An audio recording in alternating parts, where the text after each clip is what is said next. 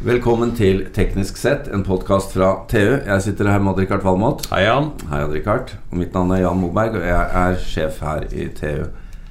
I dag, Odd-Rikard, i dag skal vi snakke om et av de selskapene du har vært mest opptatt av eh, i Ja, din voksne det, levetid. det er jo ikke mulig å unngå, da. For det her starta jo lenge før jeg ble Det starta jo før faren min ble født. Ja, Men det er fortsatt going strong, da. Ja, imponerende nok. Før vi avslører hvem det er, de har bl.a. oppfunnet og lansert Nei, De oppfant jo harddisken. eh, De har blitt eh, kreditert for PC-en. Det kan vel kanskje tilskrives andre, men de var de som bredte den utover. Og de har eh, De fant opp strekkodeleseren og de har hullkortet.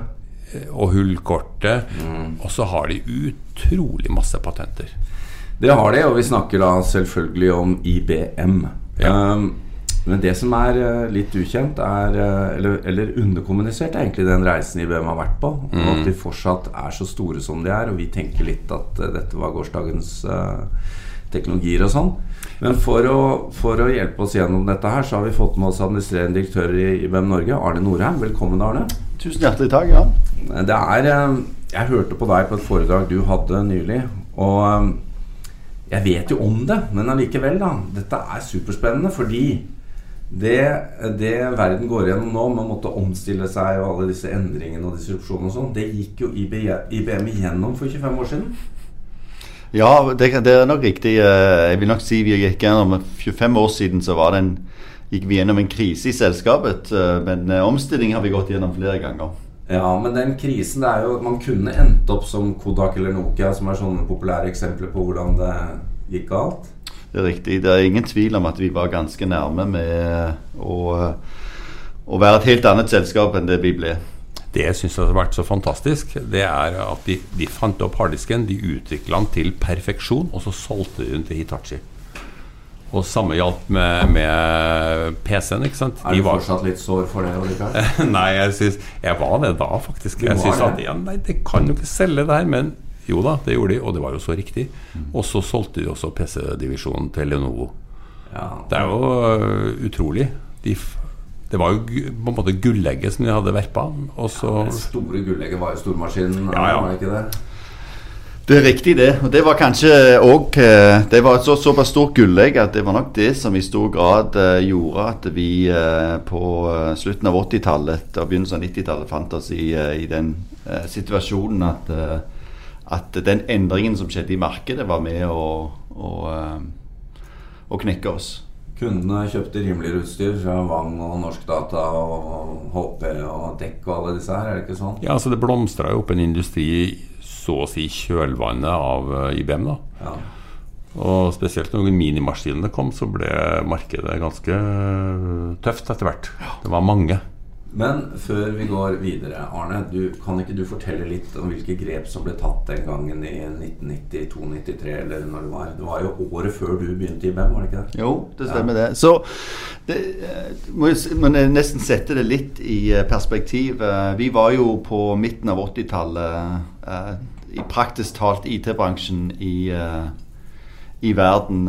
Vi hadde en enorm omvekst, omsetning, og vi vokste godt. og og eh, vi hadde gjort det i mange år. Og det var såpass gode tider at eh, jeg vet at selv midt, på midten av 80-tallet så slet vi med å kunne levere de uh, antall produktene som markedet ønsket. Uh, jeg vet bl.a. at når det gjaldt mainframes, så, så var det slik at selgerne ofte fant seg i den situasjonen at de måtte velge blant sine kunder hvem som skulle få produksjon ja. i dette kvartalet. altså. Det er fantastisk. Ja, og det er klart det at det gjør noe med en organisasjon over flere år, mange år. Ja. Um, og Føler deg i hvert fall attraktiv. føler deg veldig attraktivt. Og jeg, jeg ser for meg at, eh, at den som hadde den jobben, var veldig viktig når Ja. en eh, hadde en sånn beslutningsmakt. ja, og det ble jo sagt da at hvis du kjøper IBM, så får du ikke sparken. Så får du ikke sparken. Så, Nei. nei, det er helt riktig. det var, de hadde nesten monopol en periode. Og, og eh, det hører med i historien at eh, jeg tror på i 1985, i fjerde kvartal 1985, så satte vi rekord på, eh, på på den amerikanske børsen med største kvartalmessige omsetnings... Ja. eh, Overskudd per overskudd per kvartal. ja. Og da i 1991 så klarte vi å sette en ny rekord, og dermed det største tapet På et eh, kvartal. på et kvartal på Oslo Børs. Det så, så, og det gikk altså ca. syv år eh, fra det ene rekorden til den andre. Så, og det som egentlig hadde skjedd, eh, var jo det at eh, vi hadde Vi var i utgangspunktet et, et, et selskap, et teknologiselskap, som utviklet teknologi eh, for dagens og morgendagens utfordringer. Og det var sånn vi hadde uh, utviklet AS400, som var en viktig teknologi. Harddriven, mainframe og flere andre av teknologiene. Men jeg tror det at det var en periode hvor uh, vi var så, hadde så mye suksess at vi ble blinde både til hva som skjedde framover. Vi tørde, vi tørde ikke lenger ta de riktige grepene som vi skulle. Dvs. Si å satse på de nye teknologier.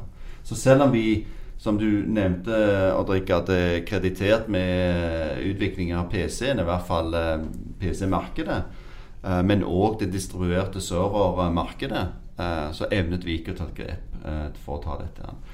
Så på, på av eh, På begynnelsen av 90-tallet så, så var vi i en situasjon hvor vi gikk fra til å ikke tjene penger lenger. Men vi var heldige likevel, eh, fordi at eh, eh, vi hadde fortsatt relativt stor Vi hadde fire ut av de fem eh, eh, kan du si, produktene i markedet eh, som ble solgt, så hadde vi omsetningsledelsen, kan du si. Vi solgte mer enn noen andre. Så vi hadde ganske stor omsetning fortsatt. Men det som var utfordringen, var at kostnadsnivået hadde tatt helt av. Ja. Ja, og, vi- og veksten på nye produkter var kanskje ikke Nei, og, sats, og, og vi satset ikke riktig. Så vi måtte ta noen grep. Uh, vi fikk uh, beslutningen Konklusjonen var vel egentlig at IBM måtte brytes opp i enkelte selskaper, i 13 selskaper. Og det arbeidet var beslutt, eh, startet uh, og, og skulle egentlig effektueres. Eh, I den prosessen så ansatte vi en eh, ny administrerende direktør, eh, Lou Gerstner, som kom inn i begynnelsen av 1990 Fra kjeksbransjen. Ja, han kom fra American Express, og det er riktig. Før det uh, X-Maxen. Det er helt riktig. Han kom fra Men det som var, jeg tror var relevant, for han, han kom fra en av våre viktigste kunder. Ja. Så han så IBM fra utsiden. Og han så på IBM, han, han vurderte egentlig verdien av IBM til uh, dette med at vi kunne være et, et selskap som integrerte alle eh, teknologier. Fordi vi bredde så, så bredt. Og at det, det var en konkurransemessig fordel. Og tok da, da den beslutningen mot styrets egentlig tidligere vedtak om at IBM skulle holde seg sammen Beholde alle unitene. beholde alle unitene. Og så tok, vi da, tok han da noen reelt, reelt, reelt sterke grep. Det første som han innså, var jo det at eh, det var mye execution som var galt. Eh, og det var ikke egentlig noe feil med sånn sett strategien. Han har et, et, et veldig kjent ordtak som han sa at, eh, at uh, you know, The last thing that IBM needs today is a vision. Og Poenget med det var at fokuset skulle være på eksekvering. Og uh, han gjorde en del kortsiktige grep. Han måtte kutte kostnadene, som var et stort problem. Uh, men det var òg en retur til vårt fundament. Og hva er det? Så fundamentet var å være en teknologileverandør, ikke være knyttet opp mot et produkt. Vi hadde vært en teknologileverandør i mange år, men vi hadde blitt knyttet til mainframen og klarte ikke gi slipp på den. Mainframen er fortsatt viktig den dag i dag, men den har gått fra å være produktet Ja. til å være et nisjeprodukt. Um, og så var det et, igjen fokus på IBMs kjerneverdier. Et fokus på kunden, et fokus på innovasjon og et fokus på uh, mennesket, eller IBM-eren. Um, og så gjenintroduserte vi egentlig en annen ting som vi har vært veldig flinke på, uh, som har hatt en stor verdi for oss, og det var mangfold. Og vi gjenetablerte mangfold som et stort fokus for oss. Og vi egentlig revolusjonerte måten mangfold ble sett på blant uh, selskaper. Som, som fortsatt uh, jeg tror selskaper sliter med den dag i dag, men, men uh, som for IBM er helt klart et konkurransemessig for, for, fordel. Og til slutt, uh, noe som jeg opplevde når jeg kom inn, dette med altså, transformasjon som en, en way of life. Altså Mm. at det, vi, vi, vi Jeg tror på slutt, begynnelsen av 90-tallet 90 så klarte vi å innse at dette med at vår bransje kontinuerlig endrer seg, var en, en, en måte det, det kom bare til å fortsette på, og det kom til å akselerere. Og vi satte en enkelte grep inn på at vi kontinuerlig skulle Altså som part av DNA-et vårt så skulle vi hele tiden transformere oss. Så det er part av hvem vi er og hva vi gjør. En av de tingene vi sa, er at vi liker at folk har en jobb mer enn to år. Hvorfor det? Fordi at realiteten er at verden endrer seg hele tiden. Mm. Dette med å bygge opp folk som sitter i arbeid i fem, syv, ni, ti, tolv år i samme rolle, så blir du outdated, rett og slett. Sånn at dette med å, med å få folk beveget rundt i organisasjonen, finne nye roller, endre, så skaper du en motstandsdyktighet mot endring, fordi at du blir endringsvillig og, og, og har lett med å endre. Mm. Så, så, dette med fokus på kulturen tror jeg var en av de viktige tingene som, eh, som eh, på sett og vis høres veldig mykt ut, men, men var helt kritisk. Og er en viktig eh, komponent i dag for at vi kontinuerlig fornyer oss. Er du overraska over at de klarte dette her? Uh, ja, på en måte. Jeg, det, det, så mørkt ut uh, det, så, ja, det, 82, det, så, nei, 92. det så bekmørkt ut. Men uh, samtidig så syns jeg også at IBM har levert veldig mye av de her tinga vi er vant med i dag. Jeg husker når dere for snart 20 år siden begynte å snakke om at computing det var, skulle være som å stikke stikkontakten i veggen. Ja. Da tenkte jeg nå har det rabla for de Men det er, jo, det er, jo, sånn det er i dag. Det er jo ja. det som er nettskyen. ikke sant? Det, bare, det hadde ikke det navnet nettskyen da.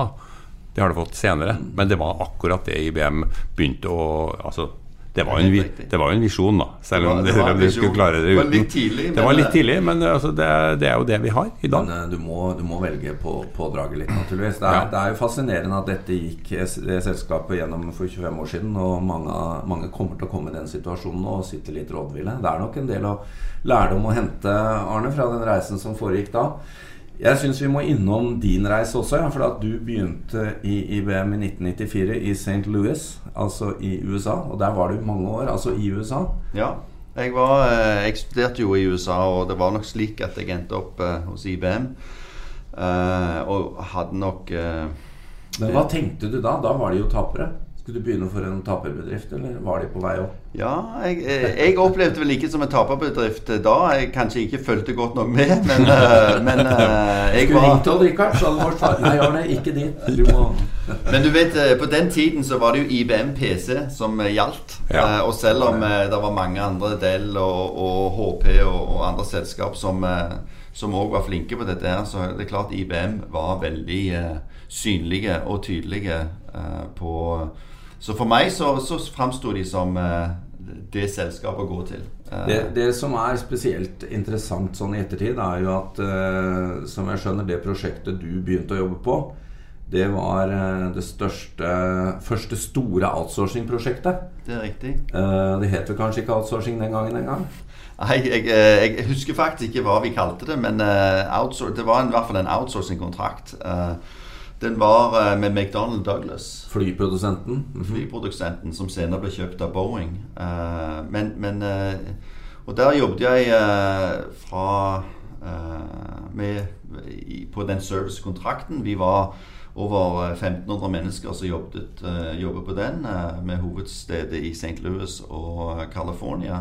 og vi leverer IT-driften til McDonald Douglas. Det var veldig kult fordi mm. at uh, de produserte jagerfly i St. Louis. Og det betydde Og vi drev alle systemene som de brukte, inkludert de CAD-CAM-systemene for tegninger osv. Og, så og de som var heldige, fikk seg en tur over for oss å se på når de produserte de. Men ettersom de lagde de, de kom ut av produksjonen, så drev de jo testet dem rett utenfor husstudiet ah. vårt. Så det var veldig reelt hva vi faktisk var. Du følte for. at du var en del av produktet? Ja, det var faktisk det. verst. Men det er jo nok et eksempel på at de var såpass tidlig ute at begrepet hadde ikke fått noen navn ennå. Outsourcing det er jo ikke så gammelt begrep. Og der har eh, IBM vært et par ganger. Ja, det er det. Uh, før uh, Tiden flyr jo fort her, men mm. Du må fortelle litt om den reisen fra du begynte i 94 til du kom eh, til Norge i 2013. Eh, det var jo 20 eh, år ute av landet i forskjellige posisjoner i IBM. Ja, det stemmer. Jeg, var, jeg jobbet for IBM i ti år i USA. Og, og, jeg tror IBM Og da rykte jeg egentlig opp i gradene og var på hovedkontoret på slutten de siste to-tre årene. Og uh, jeg tror selskapet opplevde at jeg var en som stilte spør mye spørsmål og, og, og tok egentlig grep uansett hvilken rolle jeg hadde. Så jeg ble i eh, 2004 så ble jeg sendt til USA, nei unnskyld, til Sverige for, på assignment eh, for å være med på å transformere en organisasjon i Sverige. Eh, egentlig en nordisk organisasjon. Videre etter det så dro jeg til Frankrike eh, og var med og ledet eh, en europe, europe, europeisk organisasjon. Og jeg var ansvarlig for uh, egentlig alle ressursene, alle 25 000 ressurser som vi hadde i vår servicebutikk i, 2000, i, i outsourcing-organisasjonen.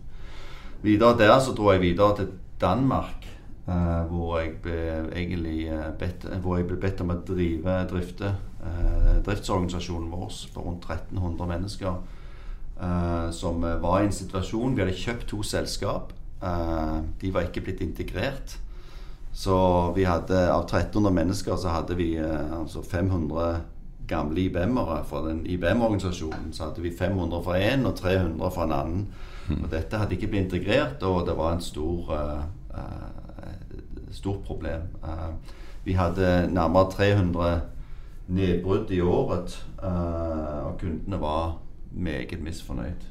Så dette var jo typisk IT-drift. Altså vi drev vi drev hele den kritiske infrastrukturen i Danmark, så dette var ikke bra. Så jeg ble bedt om å transformere den organisasjonen og, og få gjenintrodusert eh, kvalitet og, og sånn som det. Og etter den rollen der så kom jeg da til Norge for å ta over den norske organisasjonen i 2013. Men er det et eh, karrieremove? Når du har gått opp og opp i bedriften, så får du stadig mindre land? Ja, det kan du godt si. Jeg var, jeg var veldig sugen på, eh, på, på, den eh, rollen i Norge. Jeg så at i Norge så hadde vi et marked som var veldig spennende. Jeg så en organisasjon som jeg trodde jeg kunne få veldig mye ut av. Og det som kanskje ikke er så kjent i, Nor i Norge, er det at uh, fra de store internasjonale landenes perspektiv Så det som skjer i Norden, skjer ofte før ja. i Norden enn i andre ja. steder. Ja. Uh, så for meg så var det veldig interessant å få anledning til faktisk se hva vi som IBM-selskap Og min bakgrunn hva jeg kjenner veldig godt hvordan IBM opererer i de store landene. Vi er stort sett nummer én eller nummer to mm. i de markeder som vi ønsker å å, å være med i. Mm. Eh, og det var vi ikke i Norge, så jeg så et enormt uforløst potensial. Ja, og der har det jo også skjedd ting. Det tenker jeg det kan vi lage en egen podkast på. fordi det som har skjedd i Norge, ikke minst etter at du kom, det er også verdt å snakke om. Men bare avslutningsvis. Når du da rekker opp hånda i internasjonale fora i hvem og sier du, hør på meg. Lytter de til deg og Norge da? Ja, det var jo ikke sånn. Uh, det er slik i IBM at uh, du kjemper med 169 andre land mm. om, mm. om, fokus. Eh, og IBM gjør sine investeringer hvor eh, de har tro på markedet. Så for oss var det veldig viktig å, å vise at det norske markedet faktisk hadde et fokus. Derfor var vi har jobbet veldig med å synliggjøre potensialet i markedet. Og det syns vi har lykkes med. Nå har vi fått investert i og, og, og, og, åpnet et, et skysenter i Norge som det første i Norden.